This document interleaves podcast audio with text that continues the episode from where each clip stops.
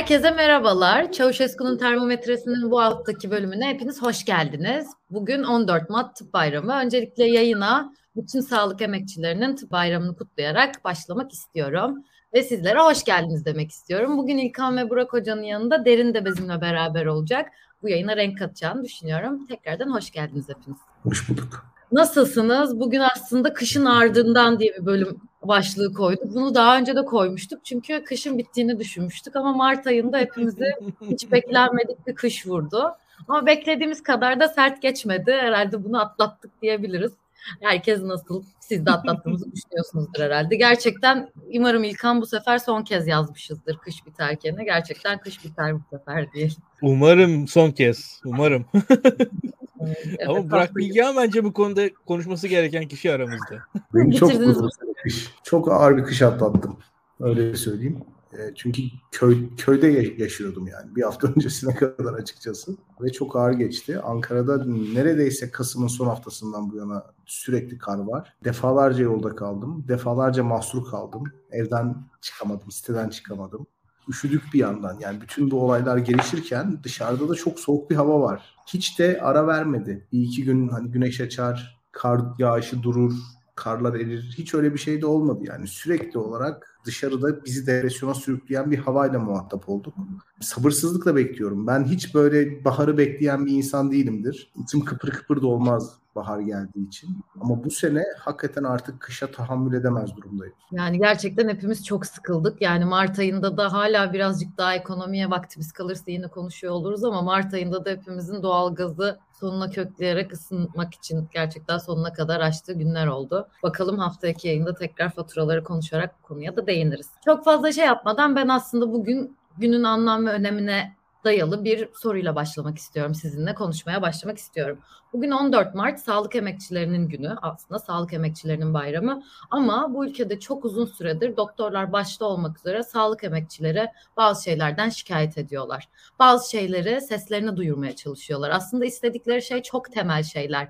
Öldürülmemek, can güvenlikleri, hak ettikleri paranın, verdikleri emeğin karşılığını alabilmek. Bu tür talepleri var. Yani ben de ne kadar sağlıkçı olmasam da sağlıkçı bir ailede büyüdüm ve bu bir doktorun, bir sağlıkçının ne kadar zor yetiştiğini gerçekten her gün tweetlerde de okuyoruz. Ne kadar emekler verildiğini, ne fedakarlıklar yapıldığını da biliyorum. Sizce bu talepler nasıl talepler? Karşılanamayacak talepler mi? Ya da sağlık emekçileri aslında neler istiyor? Ne düşünüyorsunuz bu konuda? Burak Hocam sizinle başlayabiliriz. Ben bu konuda bir yayın yaptım Medyaskop'ta. Kim Türkiye'de yaşamak ister sorusuna cevap aradım. Hakikaten Türkiye'de uzmanlık sahibi, hayatını iktisadi bir rasyonelite çerçevesinde kazanmak isteyen, emeğinin ve becerisinin karşılığını almak isteyen insanlar için çok uygun ve elverişli bir ortam yok. Hayatın her alanında uzmanlık sahibi insanlar, toplumun seçkinleri taciz ediliyor. Bunu kabul etmek lazım. Bunu da sadece iktidar yapmıyor, muhalefette de var bu.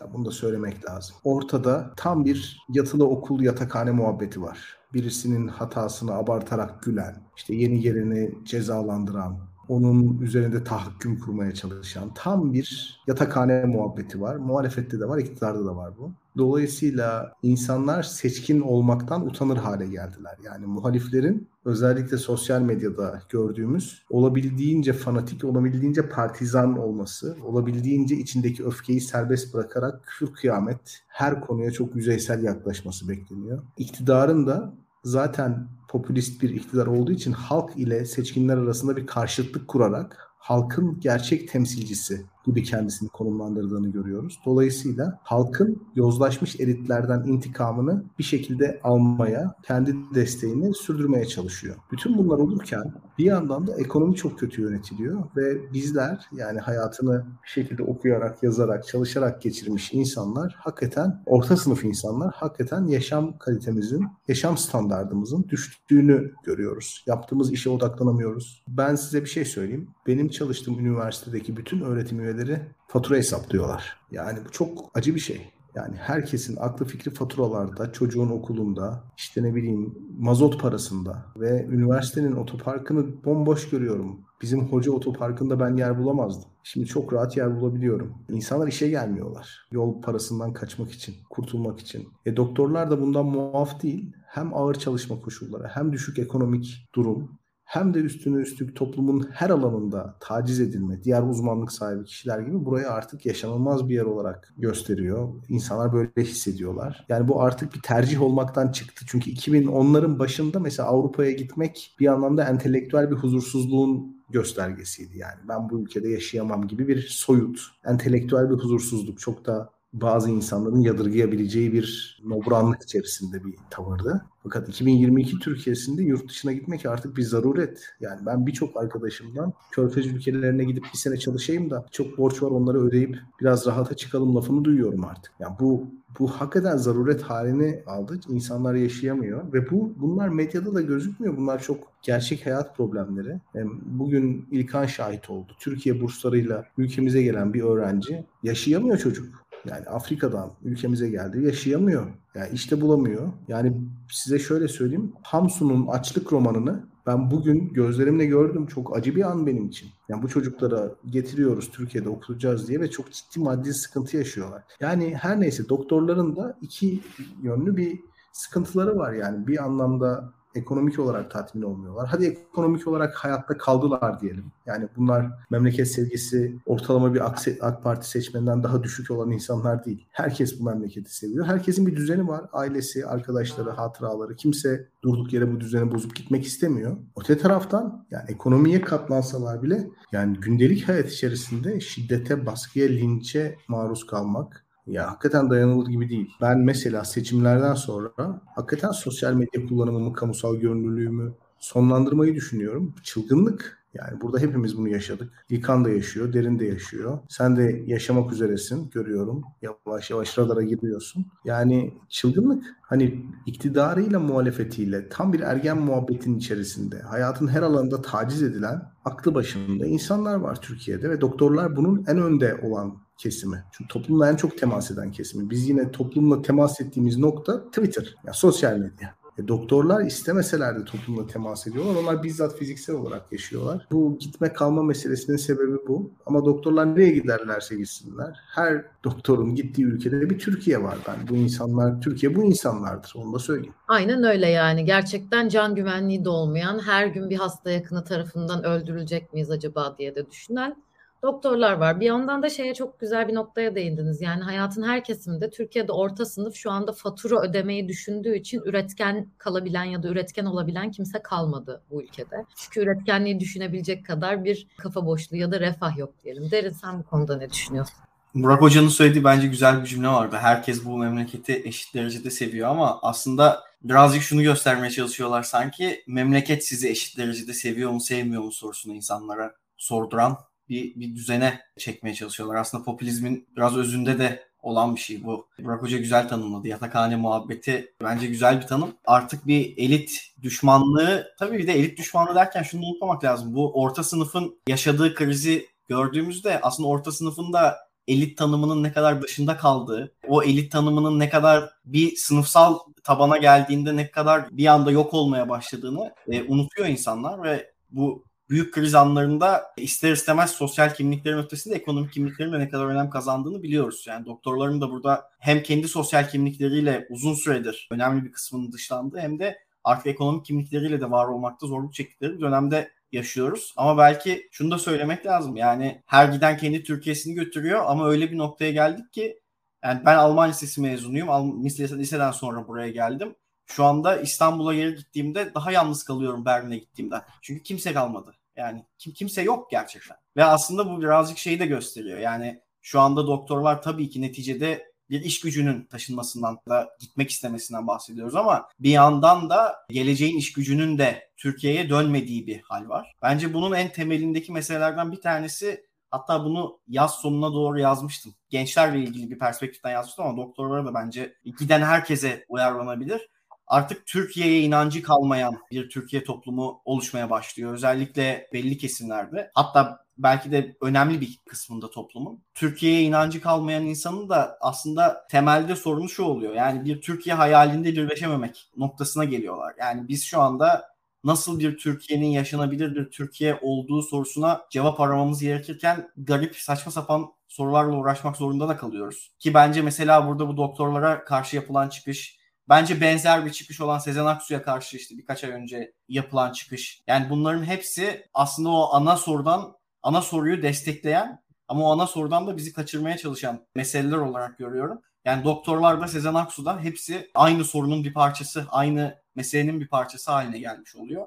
O meselenin de ben artık Türkiye'ye inancı kalmayan bir toplumun ve Türkiye tarafından sevilmediğini zanneden bir toplumun olduğunu düşünüyorum ki Halbuki tabii ki böyle bir şey mümkün değil. Yani bir gücü elinde tutan bir siyasi elit toplumun bir kesimini sevmiyor da sevmiyormuş gibi davranmayı seviyor, davranmak istiyor diye neticede hiç kimse Türkiye toplumunun parçası olmaktan çıkmıyor. Her ne kadar dışarı atılmaya çalışılsalar da. O yüzden de giden gittiği yere Türkiye'yi de götürüyor. Doğru. Giden Türkiye'yi kendiyle götürüyor ama sen konuşurken şimdi aslında Sezen Aksu ve kimlere yapılanın benzer olduğunu söylediğinde aslında öbür taraftan bir Erdoğan'ın çıkışlarına baktığımda da öyle bir şey görebiliyoruz, görebiliyoruz gibi geliyor. Şimdi sen söyleyince aklıma geldi korelasyon. Geçen hafta giderlerse gitsinler derken bugünkü konuşmasında çok değerliler bizim için. Hiçbirinin gitmesini istemeyiz gibi benzer bir geri adımı aynı anda Sezen Aksu'ya yaptığı şeyde de görmüş. Çok Bu konuda ufak ufak bir ekleme bence yapmak güzel olur. Yayından önce İlkan'ın eski bir yazısını yeniden paylaşmış onu okurken fark ettim. Mesela bugün Putin'e ya da Erdoğan'a ya da herhangi başka bir lidere bazen çok büyük bir stratejik akıl atfı yapmayı seviyoruz. Zaten yani böyle bir büyük okumalar yapmayı çok seviyoruz ama bazen sadece hata yapıyorlar. ve belki bu da bir hataydı ve yani o yüzden sadece birkaç gün içerisinde çok değişen söylemlere tanık oluyor. Sezen Aksu'da da olduğu gibi, bugün hekimlerde de olduğu gibi. Doğru. İlkan sen genel olarak ne düşünüyorsun bu konuda? Şimdi programa başlarken bir defa hatırlatayım. Bu Çavuşesku'nun Termometres'in 100. programı. Biz evet. bayağı bir inatla bu işi yapıyoruz demek ki. Onu, onu söylemek lazım. Sanırım Türkiye'de biraz böyle inat ederek yapılacak bir iş. Kolay değil. Doktorların da işi kolay değil. Doktorlar hani elitlik deniyor ya. Doktorlar doktorlar belli ölçüde elit olmalılar. Yani legal olarak insan kesebilen insanlara belli ölçüde yani asgari ücretten fazlası ödenmeli bence. Ben kendim benden az kazanan bir doktora kendimi teslim etmezdim. Bir defa bunları söyleyeyim. Yani objektif olarak bakarsam yani muhtemelen ya asgari ücret alan bir doktordan tarafından muayene olmak çok bana sağlıklı en azından güvenilir gelmiyor. Yani onu söyleyebilirim. Tercihim o değildir. Ancak tabii e, hiçbir meslek gibi doktorluk da eleştiriden azade değildir. Eleştirilmesi gerekir ama makul bir düzlemde eleştirilmesi gerekir. Şu anki Türkiye'deki tartışmada biz ne yazık ki kendi ezberlediğimiz çelişkileri sağlık sistemine yansıtıyoruz ve onun orada da bir olmayan çelişkiler yaratıyoruz. Yani sağlık sisteminde doktorlarla hastalar arasında bir mücadele yok. yani bu böyle Adalet ve Kalkınma Partisi CHP mücadelesi, Fenerbahçe Galatasaray mücadelesi gibi doktor hasta mücadelesinin olduğu bir alan değil orası. Yani bunu anladığımız zaman zaten birçok şey çözülecektir diye düşünüyorum. Ve burada sıkıntı şu, insanların gözünde sağlık sistemindeki sorunlar yanlış bir şekilde kodlanabilmiş durumda. Bu kodlanmanın düzeltilmesi gerekiyor. Yani sağlık sisteminde nedir? İşte toplumsal olarak sağlık bilincimiz eksiktir. Sağlıksız yaşamaktayızdır. Sağlıksız işte kilo alıyoruz, dişlerimizi fırçalıyoruz aşılamıyoruz vesaire. Önleyici sağlık hizmetlerimizi yetersiz aşılanmıyoruz ve mesela doktorların da belki eğitim seviyeleri düşüktür. Daha dünyayı takip etmiyorlar. Yayınları geriden izliyorlardır vesaire. Yani bu tarz sorunlar sağlık sistemi üzerinden anlatılabilecekken sağlık sistemini doktorlarla hastalar arası mücadelenin bir sonucu olarak değerlendirmeye başlıyoruz. Bu zaten bizim paradigma olarak hatamız diye düşünüyorum. O hatadan arınsak aslında birçok sorun düzelir. Onun dışında tabii ki ekonomik meselelerde açık net gözüküyor. Türkiye yani doktorlardan tasarruf etmesinin mantığı yok. Bunu, bunu tekrar göreceğiz diye düşünüyorum. Bu sorunda da öyle ya da böyle yani bir makul noktanın bulunacağını umuyorum. Türkiye'de bakarsanız Türkiye'nin yetiştirdiği profesyoneller arasında doktorları dünyadaki muadillerinden geride değiller. Türkiye'nin hatta yani şöyle söyleyeyim Türkiye'nin tıp alanında bakılırsa dünyadan hastaların tercih ettiği bir ülke olduğunu görebiliriz birçok sahada. Bu bakımdan Türkiye'deki doktorların çok mu profesyonel yetersizlikleri yok muadillerine karşısında. Ama tabii imkanların sağlanması gerekiyor. Bu açık net. Benim kendi adıma denk geldiğim ve kendi tecrübelerimde hakikaten doktorlar hep iyi iletişim kurdum. Burada belli sıkıntılar var. Onların çözülmesinin gerektiğini düşünüyorum. Hani umarım farklı paradigmayı tekrar oturturuz. Ya aynen öyle. Şimdi yorumlarda da geliyor. Doktorlar dışında bugünün konusu doktorlar da aslında onları konuşmak için açmıştık ama yani özel sektörden kaçış var. Siz söylediğiniz akademiden kaçış var. Bakalım nereye kadar gidecek, nerede çözülecek, nerede ipler şey olacak. Bunu daha önceki yayınlarda da konuşmuştuk aslında. Giden gidemiyor. Siz de söylediniz kendi Türkiye'sini götürüyor. Ama bakalım ileriki yayınlarda da konuştuğumuz bir şey olacak derken ben şimdi başka bir maddeye geçmek istiyorum. Bugün beni çok heyecanlandıran bir şeyler oldu. Çok uzun süredir Türkiye siyasetinde çok hareketli günler geçirmiyorduk. Birazcık Rusya-Ukrayna üzerine odaklanmıştık. Muhalefetin açıklamaları birazcık bunun gölgesinde kalmıştı bu parti bildirgesi ama bugün sürpriz bir şey oldu ve Cumhur İttifakı cephesinden seçim kanunu taslağı geldi. Ve bu seçim kanunu taslağıyla beraber aslında Twitter'da çok fazla konuşulan erken seçim ihtimalini birazcık geriye attık gibi yorumları duyduğumuz günler oldu. Bunun hakkında ne diyorsunuz? Bu taslağın şu anda çıkması, olası taslağın geçmesi bize önümüzdeki günler hakkında ne anlatıyordur sizce? Tam bu sefer seninle başlayalım. Öncelikle söyleyeyim ben erken seçimi zaten beklemiyordum. Bu yayınlarda da çokça söyledim. Erken seçim beklememe sebebi şuydu. Türkiye'nin hali. Hep beraber yaşadığımız, bu, bugüne kadar anlattığımız, bu ana kadar program başından beri anlattığımız ekonomik durum zaten Türkiye'nin erken seçime gidemeyeceğini gösteriyordu. Hükümet açısından yani hükümete yine derinin de bahsettiği gibi olmayan bir aklı e, atfedip oradan dehşetli bir stratejik zeka çıkartıp ondan sonra bir erken seçim planlayıp yani yok böyle bir şey bir defa. Şu anki hareketleri de hükümetin aslında elindeki imkanların ne kadar kısıtlı olduğunu ve ne kadar çaresiz olduğunu gösteriyor. Seçim sistemi değişik çabası bakılırsa bir defa artık hedefin parlamentoda çoğunluğu sağlamak, muhtemelen Cumhurbaşkanlığı seçimini olabildiğince farklı adaylarla çıkarttırarak, çıkarttırtarak hatta öyle söyleyeyim ikinci tura sarktırmaya çalışmak ve o ikinci tura da parlamentoda bir Cumhur İttifakı çoğunluğuyla gir, girerek halkın önüne istikrar seçeneğini kendileri olarak sunmaya çalışmak diye düşünüyorum. Çünkü şu anda artık benim gördüğüm kadarıyla uzun zamandır hatta Tayyip Erdoğan Cumhur İttifakı'nın güçlü tarafı değil zayıf tarafı. Cumhur İttifakı'nın daha güçlü tarafı partileri. O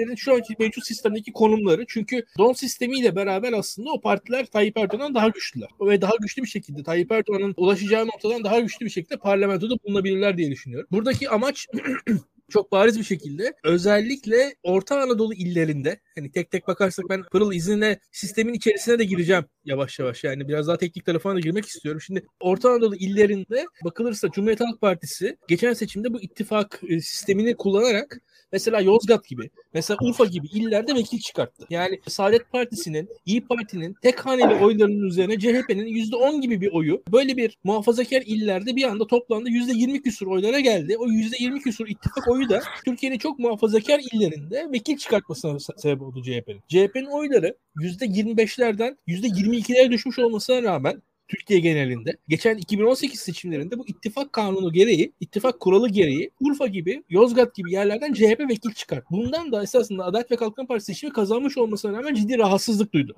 Şu anki değişiklikle beraber partilerin tek tek kendi vekil, tek tek kendi o illerdeki seçim çevrelerindeki oy oranlarıyla vekil çıkartmalarına geri dönüldü. Yani ittifakla beraber vekil dağıtılmaya başladı. İttifak oyuyla beraber sadece baraj aşılıyor. İttifak oyuyla beraber sadece baraj aşılıyor ve seçim, seçim çevrelerinde ise partilerin kendi oylarıyla vekiller dağıtılıyor.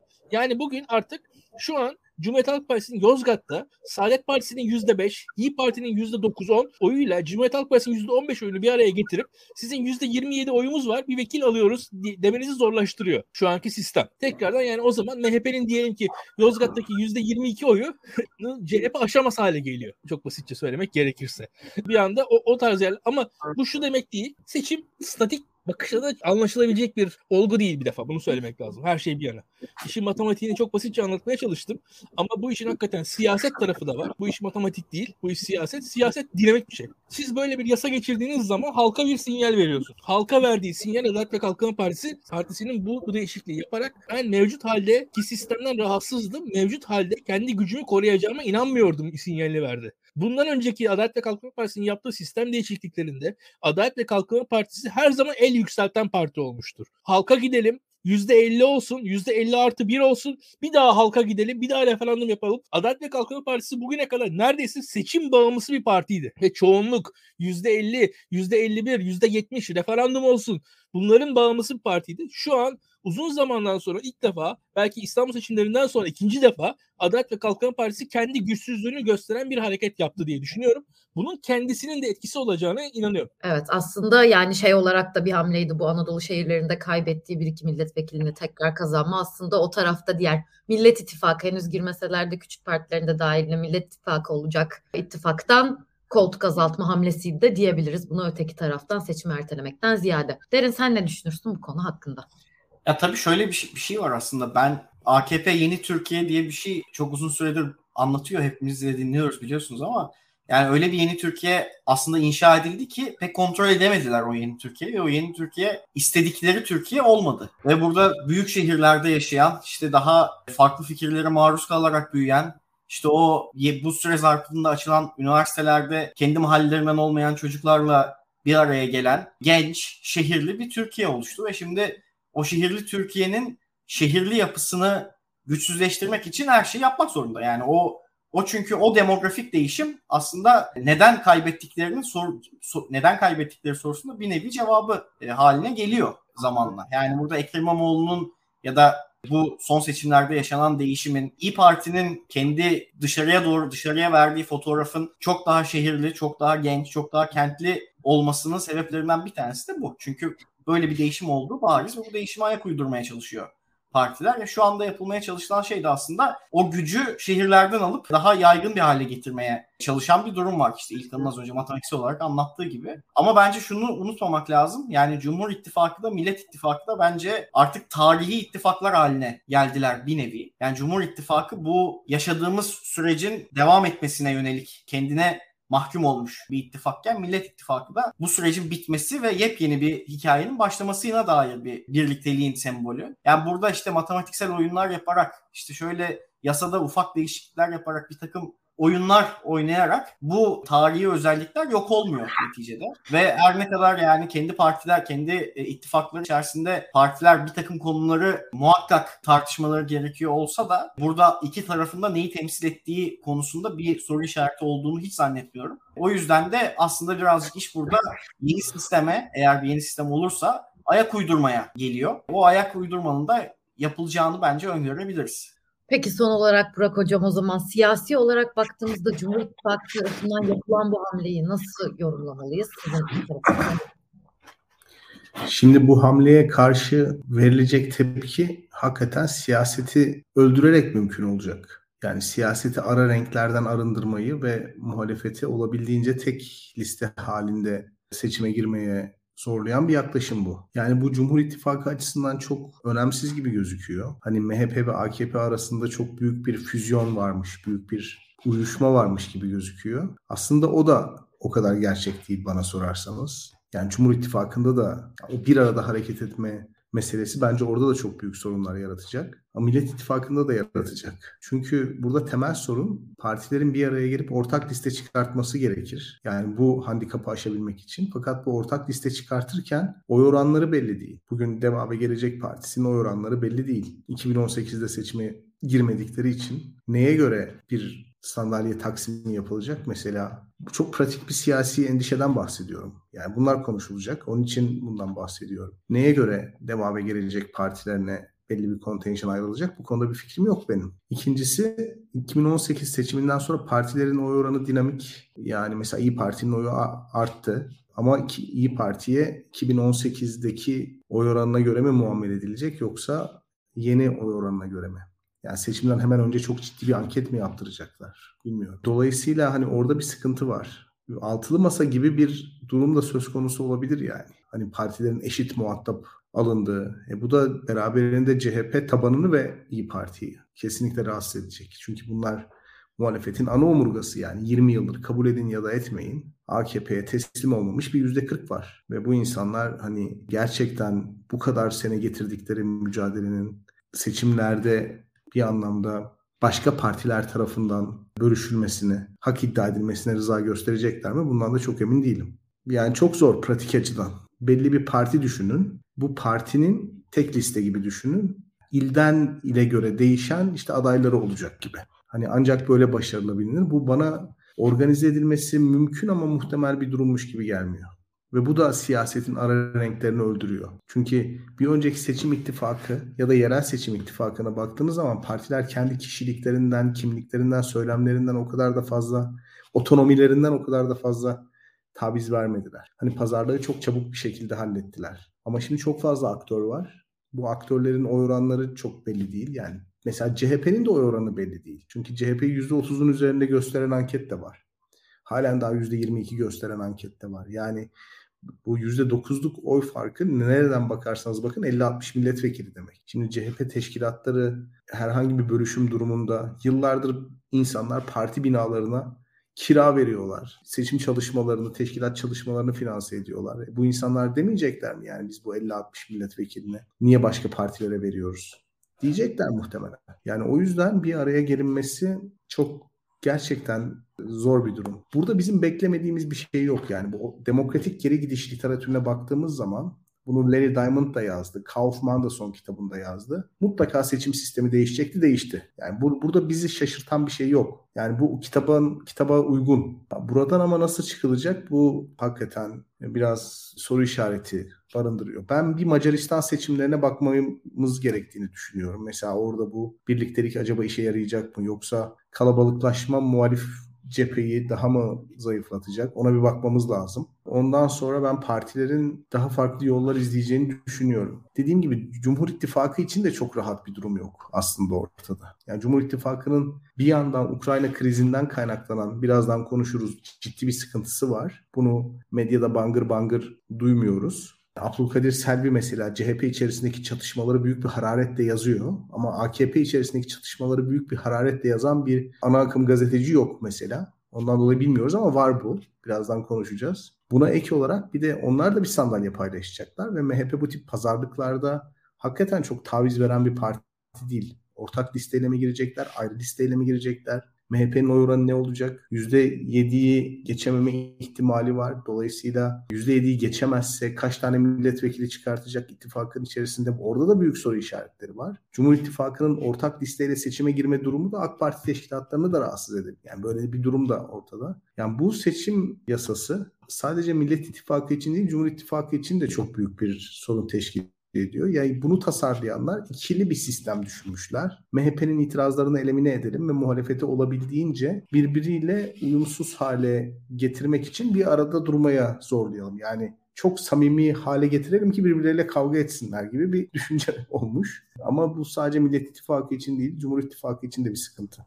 Hocam aslında birazcık bu şekilde anlatınca şey geldi aklıma. Yani bu Cumhurbaşkanı kim olacak, Cumhurbaşkanı adayı kim olacak tartışmasının en küçük mahalledeki milletvekili adayının kim olacağı tartışmasıyla eşdeğer hale gelmesiyle alakalı bir şeye dönüşüyor. Tabii orada önemli olan ve muhalefetin şu an beceremediği şöyle bir durum var. Yani şu soruyu sormaları lazım bir kere kendilerine. Ya neden her akşam her kanalda bizim Cumhurbaşkanı adayımızın kim olacağı tartışılır? Ya bu soru neden sürekli insanların önüne konur? Yani burada tabii çok fazla yorum yap- yapılıyor. Yani işte bir adayı istiyorlar o yüzden onu büyütüyorlar ya da diğerini istemiyorlar o yüzden diğerini küçültüyorlar falan diye ama iki tarafı da aynı anda ya büyütüyorlar ya küçültüyorlar bana sorarsanız. Yani orada öyle bir sistematik bir seçim yapmaya çalışma halinden çok Cumhurbaşkanı adaylığı meselesinin böyle Türkiye'nin geleceğine dair bir konu değil de sanki işte muhalefetteki birkaç tane insanın kendi kariyerist yaklaşımlarının televizyonda sergilenmeye çalışılması gibi bir şeye dönüyor aslında. Ve hani Cumhurbaşkanı adayının adayı, adayı için bunu yapmak çok anlaşılabilir bir şey ama bu yapılan değişiklik şey gibi bir bir değişiklik. Yani bunu sistematik hale getirmek gibi bir değişiklik ve o yüzden de sürekli bütün partileri anlaşmamaya, ikna etmeye çalışan bir şey yapmaya çalışıyorlar aslında ama yani benim burada soru işaretim partilerin anlaşıp anlaşamayacağı meselesi. Yani dediğiniz gibi matematiksel olarak sorunlar var ve partilerin tabanları tarafından kabul edilmesinin zor olması gibi konular da var. Ama ben yine de yani bu ittifakların artık tarihsel bir boyut aldığını o yüzden de bir noktada bunları aşabiliyor durumda olmaları gerektiğini düşünüyorum ama en temel mesele ve bizim siyasette pek konuşmayı e, Türkiye'de beceremediğimiz ya da yapmadığımız bir sebeple meseleye geliyor. Yönetmek, yönetme kabiliyetiyle ilgili bir meseleye geliyor. Yani o evet. masanın iyi yönetilmesi gerekiyor artık bu noktadan sonra. Ve öyle yani sürekli dedikoduların pompalandığı bir noktadan değil, kendi tarihi bilinciyle hareket eden bir noktaya çekilmesi gerekiyor. Tabii bunu zorlaştırıyor mu? Zorlaştırıyor ama belki de yüze vurulan su gibi olur. Yani o çok kısa vadeli kariyer tartışmalarını bırakmaya da yardımcı olabilir belki. Ya biraz Millet İttifakı'nın adaylığına geçmeden, çok konu dağılmadan ben öbür tarafı kapayıp öyle geçmek istiyorum. Ben de size zaten Gelecek Partisi cephesinden gelen adayları birazcık Cumhurbaşkanı adaylığını soracaktım ama önce bu tarafa kapatalım isterim. Yani birazcık bu yeni gelen seçim taslağında biz bunun kabul edileceğini, bir şekilde geçeceğini ve partilerin, ittifakların buna uyum sağlayacağını mı düşünüyoruz genel olarak? Toparlamak gerekirse sizin tarafınızdan. Ben bir de şunu ekleyeyim. Bir de barajın %7'ye düşürmesinin çok ciddi etkileri olacak. Her ne kadar %10 da yüksek, %7 de yüksek diyorsak da mesela baraj %7 olduğu zaman mesela yani İyi Parti için havada karada seçimi yani açıkçası şey baraj sorunu yoktur. HDP için öyle aynı şekilde. Artık en azından benim tanıdığım Cumhuriyet Halk Partiler son neredeyse 15 yıldır bildiğim kadarıyla 2007 seçimlerinden beri belli partileri barajın üzerine tutmaya çalışan bir Cumhuriyet Halk Partisi kitle vardı. Evet. Yok MHP'ye gidelim oy verelim. Birazımız MHP'de hani ailede 3 kişi MHP oy versin. Aile 2 kişi HDP oy versin falan diye böyle 8'e bölünen aile içerisinde stratejik hesaplar yapan CHP'liler vardı. Artık bu yok. Mesela şu an %7 baraj olduktan sonra öyle bir stratejik hesap yapmadan oy verebilecek ilk defa CHP'liler. Onu da sağladı şu anda hükümet pek farkında olmadan. Onu da ekleyeyim. Bunun da bir etkisi olacaktır. Artı şunu da eklemek lazım. Bugün 2019 seçimlerinde başarılı olan ittifak ilk defa denenmiş bir ittifak tarzı değildi aslında. Yerel seçimde başarılı olan ittifak. Daha önce denendi o ittifak tarzları ama 2019 seçim zaferini sağlayan şey Tayyip Erdoğan otoriter politikaları bir, politikalarıydı bir yerden sonra. Çünkü Tayyip Erdoğan mesela İyi Parti seçmenini İyi Parti seçmen seçime sokmamaya çalışarak erken seçim kararıyla ve YSK kararlarıyla sağlamaya çalıştı. Kemal Kılıçdaroğlu'nun o vekil transferiyle İyi Parti seçime girebildi mesela 2018'de ki o sayede o İyi Partililer nispeten gönülleri rahat bir şekilde Ekrem İmamoğlu'na Tunç Soyer'e oy verdiler seçimlerde. Veya Antalya'da CHP adaylarına oy verdiler. O, onu sağlayan şey aslında daha öncesinde yaşadıkları yani Meral Akşener'in kongre sürecinde yaşadıkları şeyler belki de İyi Parti seçmenlerini CHP'ye gidip rahat rahat oy vermeye itti. Bugün de şu an insanları Adalet ve Kalkınma Partisi'nin şu an zorluyor olmasının kendisi aslında buradaki yaşanacak yaşanan sorunların çözümlerini de gösteren bir şeydir. Şu an iktidarın yaşattığı baskı bu baskıyı halka anlatın, anlatabilirse eğer muhalefet açıkçası şu an çözümü de oradan çıkar. Çünkü statik olarak muhalefet kaybediyor şu an diye. Şu anki değişiklikle beraber. Ama bunu doğru düzgün anlatabilirseniz halka halkın buna göstereceği reaksiyonla beraber bu değişiklikten muhalefet kazançlı da çıkabilir. Çünkü seçmen oyu denen şey sabit değil. Biz 2018 yani partilerin şu an her, hepsinin oyları sıfır. Sıfır. CHP'nin oyu %22 değil. Adalet ve Kalkınma Partisi'nin oyu %40 değil. İyi Parti'nin oyu %10 değil. Şu an sıfır oyları. Henüz daha hiç kimse oy atmadı. Herkes, her parti sıfır oyla başlıyor. Aynı yerden başlıyor aslında. Yani... Orada çok güzel bir yere değindin İlkan birazcık daha geçmeden. Aslında şu an iktidar tek başına seçim sistemini değiştirmeye çalışıyor. Ve aslında muhalefetten beklememiz gereken birazcık da bunu halka anlatmasıdır. Yani bunun ne kadar anormal bir şey olduğunu anlatmasıdır. Özetle bunu demeye çalıştığını düşünebiliriz. Bence buradan hani muhalefet kabul etmelidir ve buna yönelik neler yapmalıdırdan ziyade belki de anlatmalıdır bunun ne kadar anormal bir şey olduğunu. Orada çok güzel bir noktaya değindin. Burayı son toparlayalım artık derken Burak Hocam siz de bir iki kelime bir şey etmek isterseniz sonra artık o bir ittifak tarafına geçelim. Bunu muhalefet bir siyasi söyleme çevirmeli. Yani bunu yapabilecek beceride olduklarını düşünüyorum. Ama şu sıkıntıları da es geçmeyelim. Yani bir arada durmak lazım. Tamam. Fakat muhalefet daha önceki programlarımızda da defalarca söyledik bunu. Muhalefet 2019 senesindeki dengeli halinin biraz uzağında. Yani bunu kabul etmemiz lazım. Dengeli halinin biraz uzağında çünkü Tayyip Erdoğan'ı mağlup etmek kolay bir iş gibi gözüküyor. Erdoğan sonrası dönemin ganimet paylaşımı süreci var. Bu da tabii aktörleri olabildiğince esnemeye itiyor. Mesele biraz da demokratik olmaktan çıkıyor. Yani partiler kendi tabanlarına uygun politika üretmekten uzaklaşıyorlar. Daha çok parti yöneticilerinin veya siyasette daha büyük iddia sahibi olmak isteyenlerin ajandasına hizmet edecek söylemlere yöneliyorlar. Bu çok tehlikeli bir şey. Şimdi Cumhuriyet Halk Partisi tabanından bahsetti İlkan. Çok önemsiyorum. Yani bugün diğer muhalefet partileri varsa Cumhuriyet Halk Partisi tabanı sayesinde var bunu. Kabul edelim.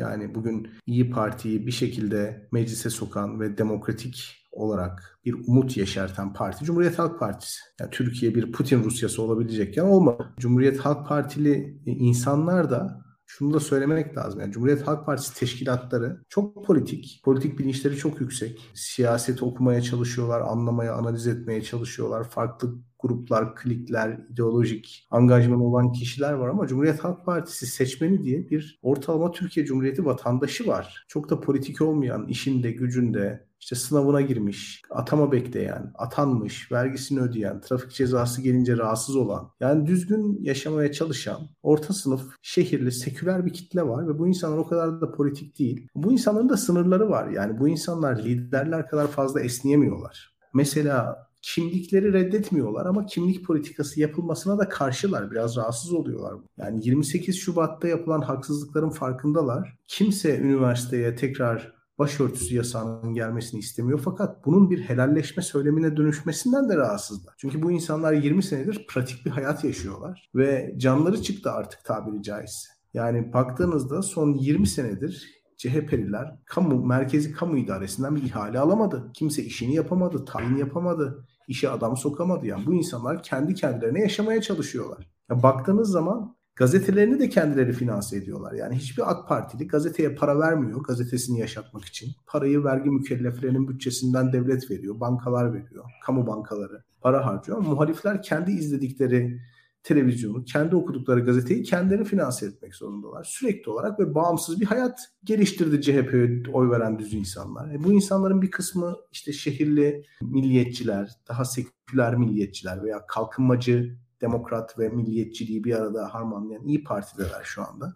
Ya bu insanlar çok bağımsız bir hayat geliştirdiler ve şimdi bu helalleşme gibi söylemler ya da işte altı boş daha kimlik politikasını oynayan sinyaller bu insanları rahatsız edebilir. İttifak bu yüzden kalabalıklaştıkça elitler esneyebiliyor fakat taban acaba bu kadar esnek mi? Ondan emin değilim. Mesela işte Sibel Hanım Bolu Belediye Başkanı yani Bolu Belediye Başkanı bence çok karikatür bir tip. Yani olabildiğince karikatürize edilen ve öne çıkartılan bir tip. CHP'deki bana sorarsanız asıl gerçek huzursuzluğu gizlemek için Bolu Belediye Başkanı'nın öne çıkması gerekir ki bütün huzursuzlar Bolu Belediye Başkanı gibi gözüksün.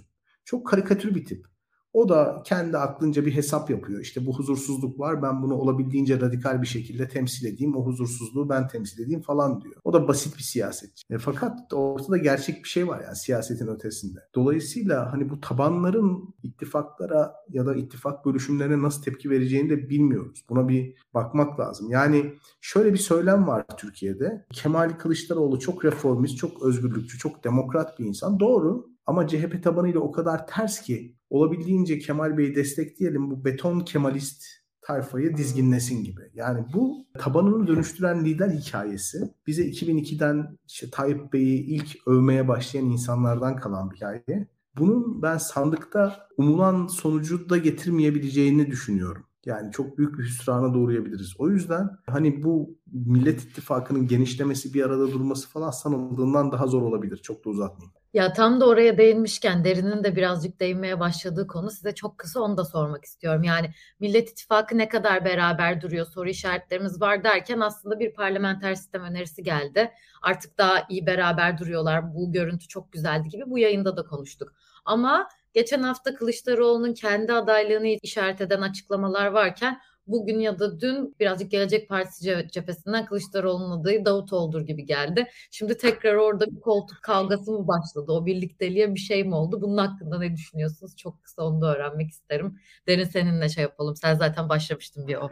Ya bence bu mesele tamamen o altılı masa içerisinde bir koordinasyon sorunu ve yani o masayı yönetmekle ilgili bir mesele olduğunu göstermiş. Yani bunun büyük bir yönetim sorunu ya da büyük bir koordinasyon sorunu olduğunu düşünmüyorum ama yani öyle bir dönemden geçiyor ki Türkiye yani şu anda adayımız Ahmet Davutoğlu'dur demenin ya da adayımız benim demenin ya da adayımız Burak Hoca'dır demenin filan ya bunlar çok lüks siyaseti bunlar. Yani lüks siyaseti yapmak oluyor bu. Çünkü insanlar yani işte az önce başta söylediğimiz gibi ya bu kışı nasıl atlatacağını düşünen bir geniş kitlelerden bahsediyoruz ve siz bu insanların karşısına bir reform, bir politika, bir bir kampanya çıkartmak yerine bizim adayımız budur, yok şudur, hayır o hiç değildir filan gibi böyle yani bir gün yaşayacak ama o bir gün yaşadığında kimsenin başka hiçbir şey konuşmamasına sebep olacak söylemlerle geliyor. Yani bu bir iletişimde yapılabilecek en büyük hatalardan bir tanesi.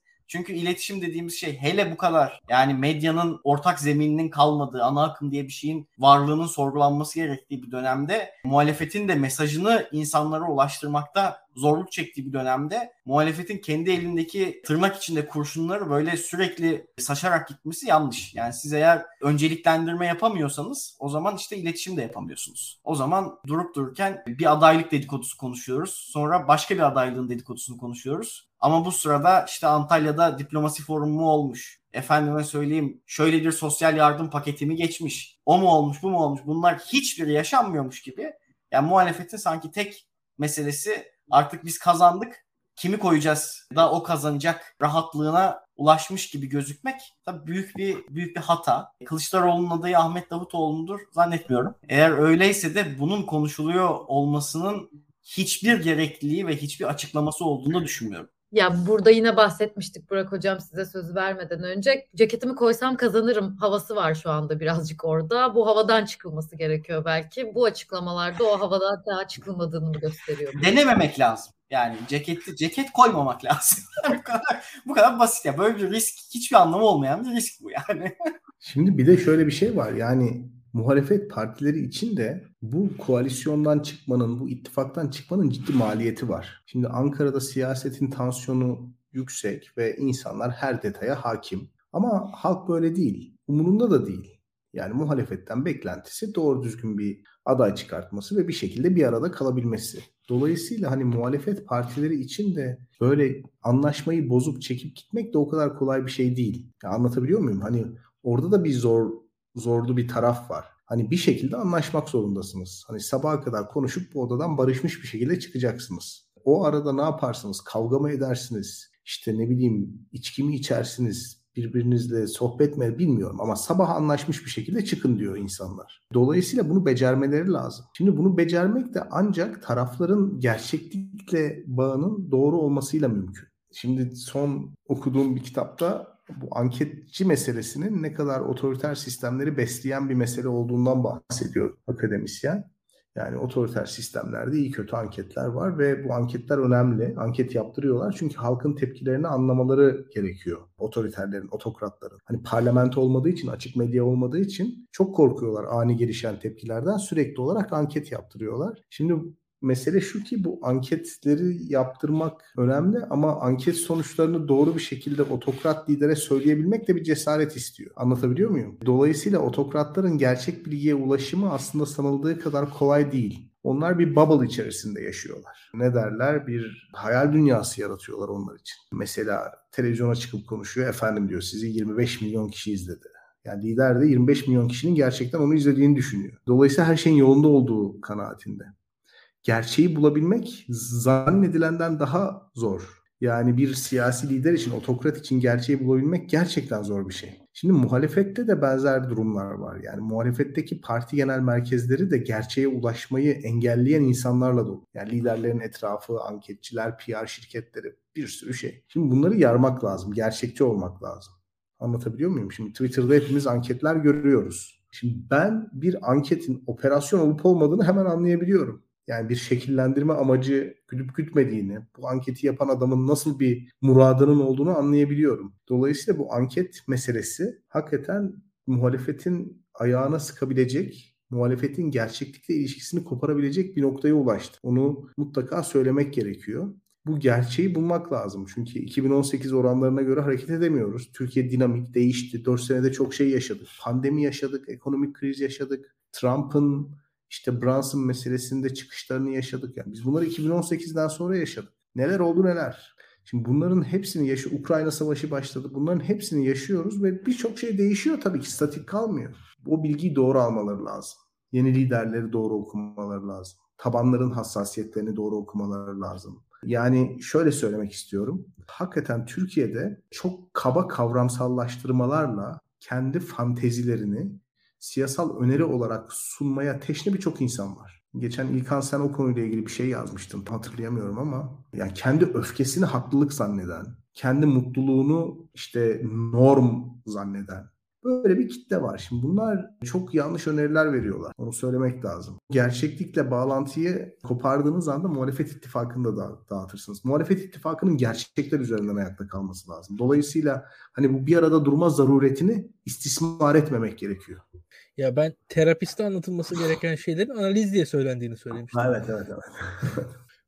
Sen ne dersin İlkan? Yani bu sürekli çıkan adaylık açıklamaları bunu konuşmamız nedir? Yani ben o konuda şöyle söyleyeyim. Spekülasyon öyle de böyle yapılacak. Teorik olarak derinin dedikleri doğru. İlkeler üzerinden, planlar, projeler üzerinden. Belki bir 2028 vizyonu üzerinden belki de. Yani 2023'te Türkiye böyle, 2028'i biz şu hale getireceğiz vizyonu üzerinden Türkiye keşke konuşsa, konuşabilse diyeceğim ama sonuçta insanız. İlla ki adaylık konuşulacak. Davutoğlu ismi ise yani şöyle söyleyeyim. Soğuk bir şaka gibi geliyor bana yani açıkçası. Gerçekçi olmak lazım. Gerçekçi olmak lazım. Olmayacak şeyler onlar. Olabilecek şeyler şeylerin sınırı var. Hani olabilecek şeyler çok sayıda ama yani Davutoğlu olmayacak bir şey. Yani isterse aday da olabilir. Türkiye özgür bir ülke. Herkesin seçme seçilme hakkı var. 150 bin imzaya, 100 bin imzayı falan Davutoğlu toplar. Ama Davutoğlu zaten 35 yıl önce de falan, yani 20 yıl önce falan da 100 bin imzayı toplayabilirdi. Henüz orada onun dışında bir ilerleme görmüyorum kendisinde. Çok gerçekçi değil o yüzden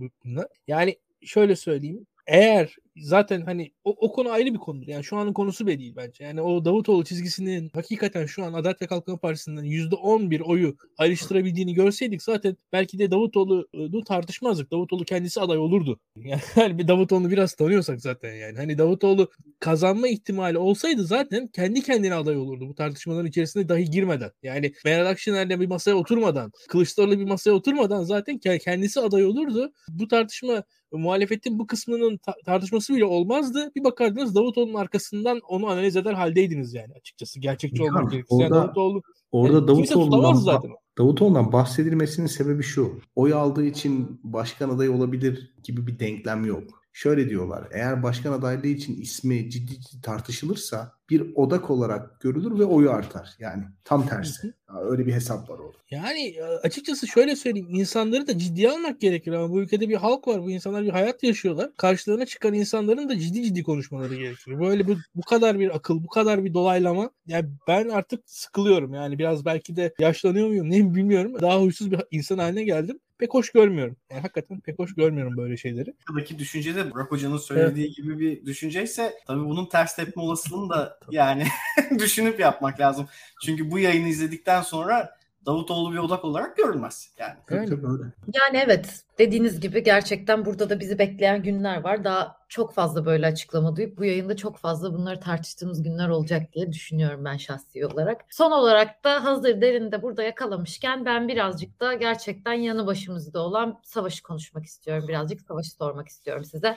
Yani neredeyse iki haftadır böyle bir durumun içindeyiz ama bu hafta sonu birazcık umut veren açıklamalar oldu. İki tarafta anlaşmaya yakın olduklarını, bazı noktalarda mutabakat sağlandığını, belli şeyler olabileceğini söylediler. Ukrayna NATO'dan vazgeçer, Kırım'ı tanır gibi şeyler konuşulmaya başlandı. Ve bu, bu tarafı var. Gerçekten savaşta neler bekliyoruz? Bunu sormak istiyorum hepinize tekrardan. Bir de savaşın Türkiye'ye yansıma durumları var. Yani yayına girmeden de birazcık sizinle konuştuk. İnanılmaz bir diplomasi trafiği görüyoruz biz Erdoğan'dan. Yıllardır görmediğimiz kadar 5 gün içinde neredeyse 15 farklı liderle buluştu. Öbür taraftan İsrail'le çok uzun süredir hiç olmayan ama İsrail'le inanılmaz bir buluşma meydana geldi geçen hafta. Bunları hem Türkiye açısından hem de oradaki savaşı nasıl yorumlarız? Derin seninle başlamak isterim uygunsa senin için. Tabii. Önce bu savaşın nereye evrileceği konusunda umut veren e, açıklamalar olduğuna ben de katılıyorum. Hatta o açıklamaların ben savaşın ikinci günden itibaren gelmeye başladığını düşünüyorum. Çünkü ilk başlamadan önce hiçbir şey Zelenski'yi, işte Ukrayna Cumhurbaşkanı Zelenski'yi bir aktör olarak bile tanımayan bir Putin varken savaşın birinci gününde hiç kimseyle görüşmem ya silah bırakırsınız o zaman görüşürüz. İşte bütün askeriye yok olmalıdır falan gibi ön şartı söylemişti. Üçüncü gününde hiçbir ön şart kalmadı. Tek ön şart Belarus'ta buluşurum oldu. Beşinci gününde Polonya'da da buluşurum oldu. En sonunda e, Antalya'da da buluşalım bariye geldi Putin. Tabii bunun ya şöyle bir sahada şöyle bir yansıması olduğunu ve bunun ya sahanın buna sebebiyet verdiğini düşünüyorum. Ruslar yani çok hızlı ve kolay bir şekilde atlatabileceklerini zannettikleri bir operasyona savaşa girişip sahada rezil olmaya başladılar. Yani bu günler boyunca işte mesela Kiev'e giden o şeyi konuştuk. İşte 60 kilometre uzunluğundaki askeri konvoyu konuştuk ama askeri konvoy 60 kilometre olmaz. Yani 60 kilometrelik askeri konvoy trafiğe takılmış askeri konvoydur yani. O yani o, o bunlar yani çok büyük bir strateji zekası işte İlkan'ın başta söylediğimiz gibi büyük bir strateji zekası varmış gibi Putin'in zannedip en sonunda ne kadar büyük hataları bu cılız tek adamların yapabileceklerini gördüğümüz bir noktaya geldik. Bence şu anda iki tarafta şunu görüyor. Ukrayna'nın da Rusya'nın da artık sahada bir mutlak galibiyet kazanma ihtimallerinin gittikçe azaldığını ben düşünüyorum. Zira burada mutlak galibiyet Ruslar için neticede Zelenski hükümetini devirmek ve yerlerine bir Rus kuklasını koymaktı. Bunu Zelenski'yi öldürseler bile yapamayacaklarını artık gördüler sahada. Çünkü şöyle bir hakikat var ki sonuçta o kukla da bir hükümeti yönetmek zorunda ve o hükümette bir toplumu yönetmek zorunda. O toplumun kontrolünü ele almak askeri kontrolle aynı şey değil. O yüzden bu paylaşılan haritalarda da aslında ona dikkat etmek gerekiyor. Bu Rusların kontrolü altında dediğimiz yerlerin aslında kontrolün bir siyasi tanım olduğunu ve siyasi olarak Rusya'nın kontrolünde olmadığını o bölgelerin söylemek gerekiyor. O yüzden de neticede ve tabii ki Ukraynalılar için de mutlak galibiyet neticede Rus askerini ülkelerinden kovmak. Bunun da pek mümkün Yani matematiksel olarak mümkün olmadığı bir denklem var sahada. Dolayısıyla her iki tarafta kendi şeylerinden, kendi şartlarından vazgeçmek zorunda kalıyorlar. Ve şu anda vazgeçtiklerini görüyoruz. Yani Zelenski'nin son birkaç gündür özellikle Batı medyasına verdiği söyleşilerde NATO'ya dair söylediği epey sert cümleler olmaya başladı. Ya yani bunun ben bir stratejik stratejik iletişim olduğunu düşünüyorum aslında. Çünkü neticede bu NATO meselesinin artık masada konuşulmaması istenen bir mesele olduğunu anlıyoruz. Ama şunu da söylemek lazım. Yani sanki bütün mesele NATO'ymuş da NATO masadan kalkınca Ukrayna bir anda çok özgür ve çok güvenli bir devlet olacakmış gibi bir durum da yok. Yani neticede Putin kendi sözünden çıkmayan bir kukla Ukrayna istiyordu. Artık bir noktada başka bir Ukrayna'ya razı olmak zorunda kalacak. Ve o Ukrayna'ya razı olmasının temel sebebi de aslında Ukrayna halkı oldu. Aynen öyle. Peki bunun Türkiye açısından şeylerine geçmeden senin aslında İsrail gazıyla alakalı yorumların vardı. Çok kısa sizin savaşın geleceğiyle alakalı düşüncelerinizi de alalım. Öyle Türkiye tarafına geçelim hocam. Ben savaşı hali hazırda Putin'in kaybettiğini düşünüyorum. Yani Ukrayna'nın tamamını alsa da kaybetti. Çünkü 2,5 milyon, 3 milyon insan Ukrayna'yı terk etti şu anda Ukraynalılar ciddi anlamda yeni gelecek. Yani Putin'in savaşı kazandığını düşünelim. Onun atayacağı valiyi düşünelim. Bu insana bir rıza üre, bir rıza göstermeyecekler yani. Bu bu adam bir rıza üretemeyecek. Bütün şehirler bombalanıyor. Rus ekonomisi ağır yaptırım yükü altında. Bunun boyutlarını biz birkaç hafta içerisinde, birkaç biraz zaman geçtikten sonra, birkaç ay içerisinde göreceğiz belki. Dolayısıyla burada bir kazanım yok. Yani insanları kaçırıyorsunuz, şehirleri mahvediyorsunuz. Bir toprak parçasını alıyorsunuz, kendi ekonominizi mahvediyorsunuz. E bu, bu kazanım mı Allah aşkına? Yani bu kazanım mı? Büyük bir jeopolitik körlük ve takıntı. Başka bir, bir, bir anlamı yok. Zelenski'nin NATO karşıtı söylemleri de hakikaten savaşın başından beri dediğim gibi bu NATO'yu sürekli olarak toprak, toprak genişletmek için tek merkezli stratejik tutkularla hareket eden bir örgüt olarak görmenin aslında ne kadar yanlış ve hatalı olduğunu gösteriyor. NATO genişliyor ama NATO ülkelerin kendi rızasıyla üye oldukları, özellikle demokratik ülkelerin kendi rızalarıyla üye oldukları bir örgüt. Kendi rızalarıyla da çıkabiliyorlar. Yani böyle bir durum var. Dolayısıyla NATO'nun bu son meseledeki tavrı sıcak çatışmaya girmemek, yani Ukrayna için Rusya ile rekabet etmemek, savaşmamak aslında birçok şeyi gösteriyor ve o hikayeyi de çökertiyor. Hepsinden önemlisi Putin'in ihtilaflı bölgeler beklenirken Kiev ve Kharkiv'e, Lviv'e yönelik operasyonları. Yani hani meselenin aslında bir NATO genişlemesinden ziyade Rusya'nın jeopolitik arzularıyla alakalı bir tarafı var. Ve 2006 senesinde geçen hafta bahsettim galiba. Bu doğalgaz fiyatlarını ani bir şekilde yükseltmesi, Rusya karşıtı Batı yanlısı hükümetleri bir şekilde cezalandırma eğilimi içerisinde olması bunu gösteriyor. Bu yeni bir hikaye de değil. Yani Rusya kendisini ne zaman mutlu hissedecek? Rusya kendisini herkes Belarus'a benzediği zaman, herkes Lukashenko'ya benzediği zaman güvende hissedecek. Böyle bir şey bu. O yüzden bu savaşın bitebilmesi için savaşın ilk gününde Çağrı Erhan bir tweet atmıştı. Realizm halen daha güçlü diye. E, realist teori halen daha açıklama gücüne sahip diye. Bu savaşın bit- hiç katılmıyorum tabii ki. Yani Rusya'nın otoriter bir hükümet olduğunu, Ukrayna devlet başkanının demokratik meşruluğa sahip olduğunu hesaba katmadan bir analiz yaparsanız işte bu şekilde yanılıyorsunuz. Çünkü Rus saldırganlığının sebebi aslında otokratik sistemin devamı, oradaki despotun kurduğu sistemin devamı ve bu despotizmden faydalanan insanların bir şekilde buna devam etmesi. Rusya'nın güvenlik kaygılarının sebebi ağırlıklı olarak otoriter olmasından kaynaklanıyor. Anlatabiliyor muyum? Yani Rusya jeopolitik olarak güvenlik kaygılarına sahip olabilir fakat bu objektif, dokunulmaz, değişmez bir şey değil. Yani Fransa'da 1938 yılında Almanya'nın yanı başında olmasından dolayı jeopolitik kaygılara sahipti. Almanya'da Fransa ve Rusya'nın arasında sıkışmaktan korkuyordu. Yani bunlar dokunulmaz, değişmeyen jeopolitik kaygılar değil ki. Yönetim sisteminiz değiştiği zaman, rejiminiz değiştiği zaman jeopolitiği de yeni bir gözle okumaya başlıyorsunuz. Bunlar çok büyük hatalar. Böyle arkaik okumalar bizi olayı doğru anlamamaya itiyor. Dolayısıyla Rusya'nın güvenlik kaygıları otoriter sistem devam ettiği sürece devam edecek. Savaş da Rusya'daki otoriterlik yumuşadığı zaman, yeni bir hal aldığı zaman, daha şeffaflaştığı zaman ve daha açık hale geldiği zaman bitecek tabii ki. Aynen öyle. Daha göreceğimiz şeyler var ama birazcık daha umuda yakın olduğumuz, birazcık daha belki bir şeylerin düzelmesine yakın olduğumuz günler diyebiliriz. İlkan sana sana da şöyle bir şeyle geçmek istiyorum. Birazcık da Türkiye ayağına bağlayacak olursak bu savaş durumunu. Yani bizi ne kadar etkileyecek, Türkiye'yi ne kadar etkilemesini bekliyoruz. Özellikle Cumhur İttifakı içindeki dengeler. Ekonomiye geçen hafta konuşmuştuk ama eklemediğin, eklemek istediğim bir şey olursa onları da duymak isteriz senden.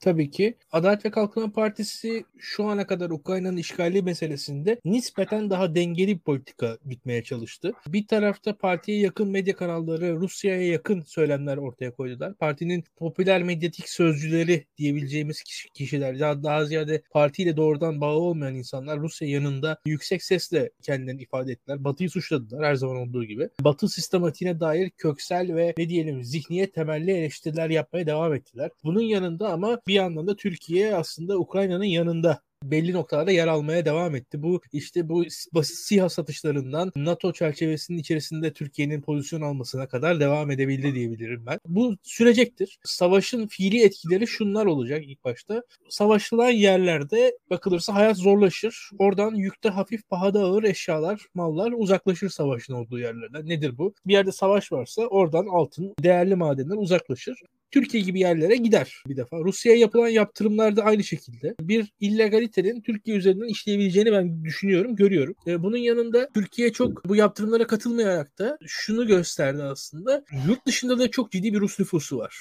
Çok büyük bir Rus ağırlığı var. Burak Bilge'nin anlattığı şeyler Rusya için 200 yıllık, 300 yıllık gerçeklikler. Hatta en azından 200 yıllık gerçeklikler. Yani Rusya diasporasıyla da var olan bir ülke ve her zaman bir Rus güçlü Rus diasporası oldu. Şöyle söyleyeyim, Türk diasporasına çok da benzemeyen, entelektüel, ekonomik gücü çok yüksek bir diasporası oldu. Bu diasporanın şu an Türkiye'ye yönelme ihtimali gözüküyor. Türkiye tarihinde de eskiden beyaz Rusları biz yaşadık. 1917 Ekim devrimi sonrasında Türkiye'nin kültürüne çok ciddi etkileri olmuştu. Benzer şekilde İstanbul'da, Ankara'da, İzmir'de biz Rusların farklı etkilerini görebiliriz önümüzdeki yıllarda bu savaşın sonucundaki etkilerle diye düşünüyorum. Gerek Ukraynalılar gerek Ruslar Türkiye'de daha fazla gözükebilirler. Çünkü Ukrayna ve Rusya'nın ben normal haline şöyle söyleyeyim 2010 yılı haline kolay kolay dönebileceğini düşünmüyorum şu yakın zamanda ve ciddi anlamda Türkiye bir göç farklı bir şekilde yaşanacaktır illaki diye düşünüyorum.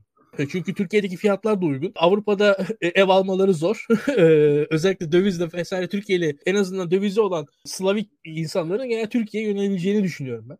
Hükümetin de buna çok yatkın olacağını tahmin ediyorum. Gri alanda finansal işler Türkiye'de rahat olur. Türkiye bunun rahat yapıldığı bir ülke. Ne yazık ki belki de böyle bir ülke. Bu işlemlerin yine savaş ortamında, yine yaptırım ortamında Türkiye üzerinden deneneceğini düşünüyorum. Bu sürekli sürdürülebilir mi? Şu an savaşın sıcaklığında Batı muhtemelen Türkiye'ye göz yumar ama savaşın sıcaklığı azaldıkça Batı'nın göz yumması da son bulacaktır diye düşünüyorum.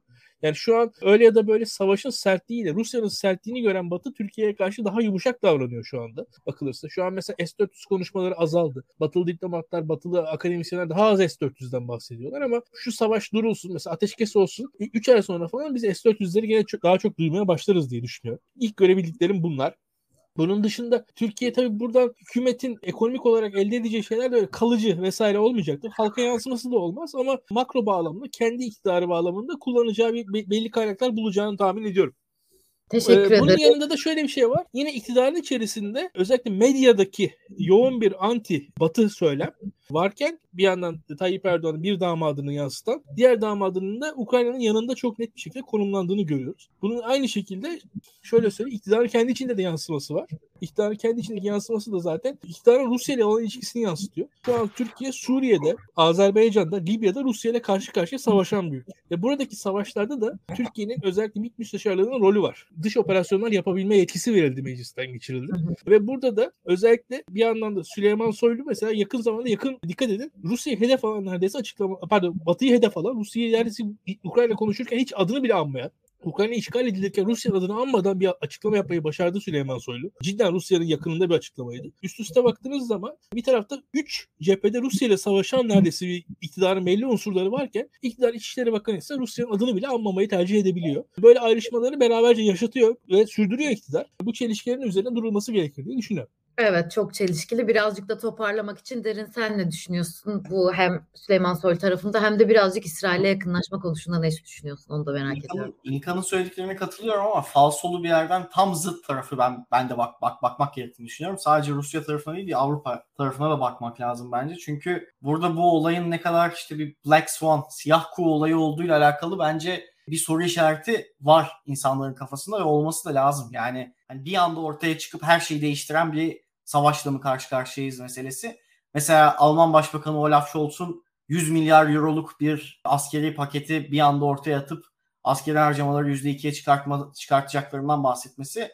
Mesela bu hakikaten büyük bir politika değişikliği Almanya için ki silahsızlaşma ve ordusuzlaşmayla e, Avrupa'da barışı vadeden bir paradigmadan başka bir yere gittiğini görüyoruz. Ve Avrupa için tabii en önemli meselelerden bir tanesi bu bir noktada ellerini kollarını bağlayan Rus Rusya'dan aldıkları enerji, doğalgaz ve petrol meselesinde nasıl bir politika değişikliğine gidecekleri meselesi çok önemli. Türkiye için de çok önemli. Çünkü neticede doğalgazın çıktığı dünyada belli yerler var. Ve yani o noktalardan gazı taşımanız gerekiyor ve kendinize getirmeniz gerekiyor.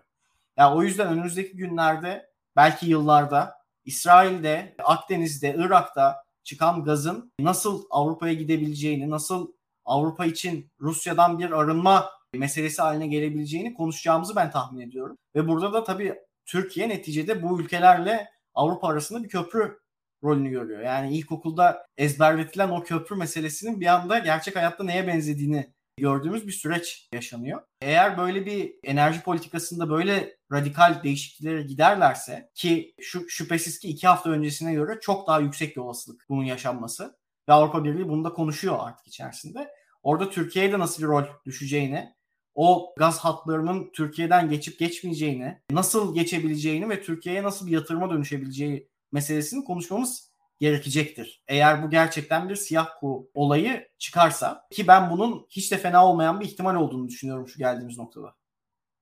Aynen öyle. Size şey yaparsak Burak Hocam siz nasıl düşünüyorsunuz bu Ukrayna-Rusya savaşının Türkiye'ye yansımalarını?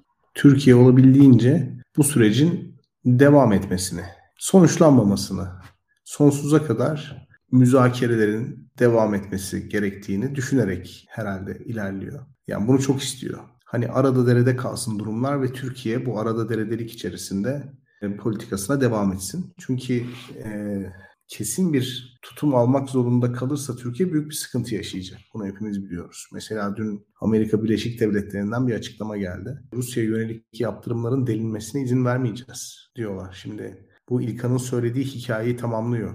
Mesela uzun yıllardır Batı ittifakından kopmuş bir ülke olarak daha dengeli açıklamalar yapıyor Tayyip Bey. Bu tabii Batı'da sevinç yaratıyor. Neticede herkesle konuşabilen bir aktör var masada. Fakat herkesle konuşabilmenin kendisi bir, bir yere gitmiyor yani. Bir yere ulaşması lazım. Yani ulaşması gereken nokta işgalin sonlandırılması ve Rusya'nın bu saldırgan dış politikasından vazgeçmesi. Yani bu yaptırımların sebebi bu. Hani Batı'nın aldığı aksiyonun sebebi bu. İşgali sonlandırmak. Şimdi işgal devam etsin, savaş sürsün ve biz herkesle konuşabilen bir ülke olarak hayatımıza devam edelim gibi bir politika olamaz. Bir yerde tutum almak zorunda kalacak Türkiye. E, fakat alamıyor. Kırılganlıkları çok yüksek. İlişkilerde asimetri çok yüksek. Türkiye bölgesinde nükleer bir güce sahip, revizyonist bir devletle baş başa yaşamak zorunda ve hava savunma sistemi bu ülkeye ait. Yani yok. Açık konuşalım. Türkiye turizm sektörüne yaslanan bir ekonomi inşa etti. Turizm sektörünü de bir anlamda Rusya'dan gelen turistlere endekslemiş. Yani Rusya boykot yaptığı zaman 2015'te gördük. Bütün sektör kan ağlıyor. Bu sürdürülebilir bir durum değil. E, Suriye'de Soçi mütabakatı diye son derece akıl izan dışı bir şey imzalandı. Soçi mütabakatında İdlib bölgesinin huzur ve güven içerisinde olup olmadığını yorumlayan tek aktör Rusya. Hayır burada benim beklediğim kadar huzurlu bir ortam yok. Bunun da sorumlusu cihatçılar deyip gidip vurabiliyor. Ve sizin askeriniz de burada olmaması gerekirdi diyor. Çok büyük soğukkanlılıkla. Yine nükleer meselesi, nükleer enerji meselesi Ruslara verildi. Yani enerji bağımlılığınızın olduğu bir ülkeye bir de nükleer enerji tesisi yapmak için anlaşma imzalıyorsunuz. Şimdi bunlar büyük mantıksızlık. Hatta dahasını da söyleyeyim. Türkiye'de bu Rusya ile olan bağımlılık öyle bir hal aldı ki kara paranın bile rengi Rusya'ya döndü. Yani bu Sedat Peker ifşalarında ortaya konan trafik rotalar, ismini duyduğumuz oligarklar, bu otele çöken insanlar, Kazak oligark ne işi var Antalya'daki otelde, Bodrum'daki otelde?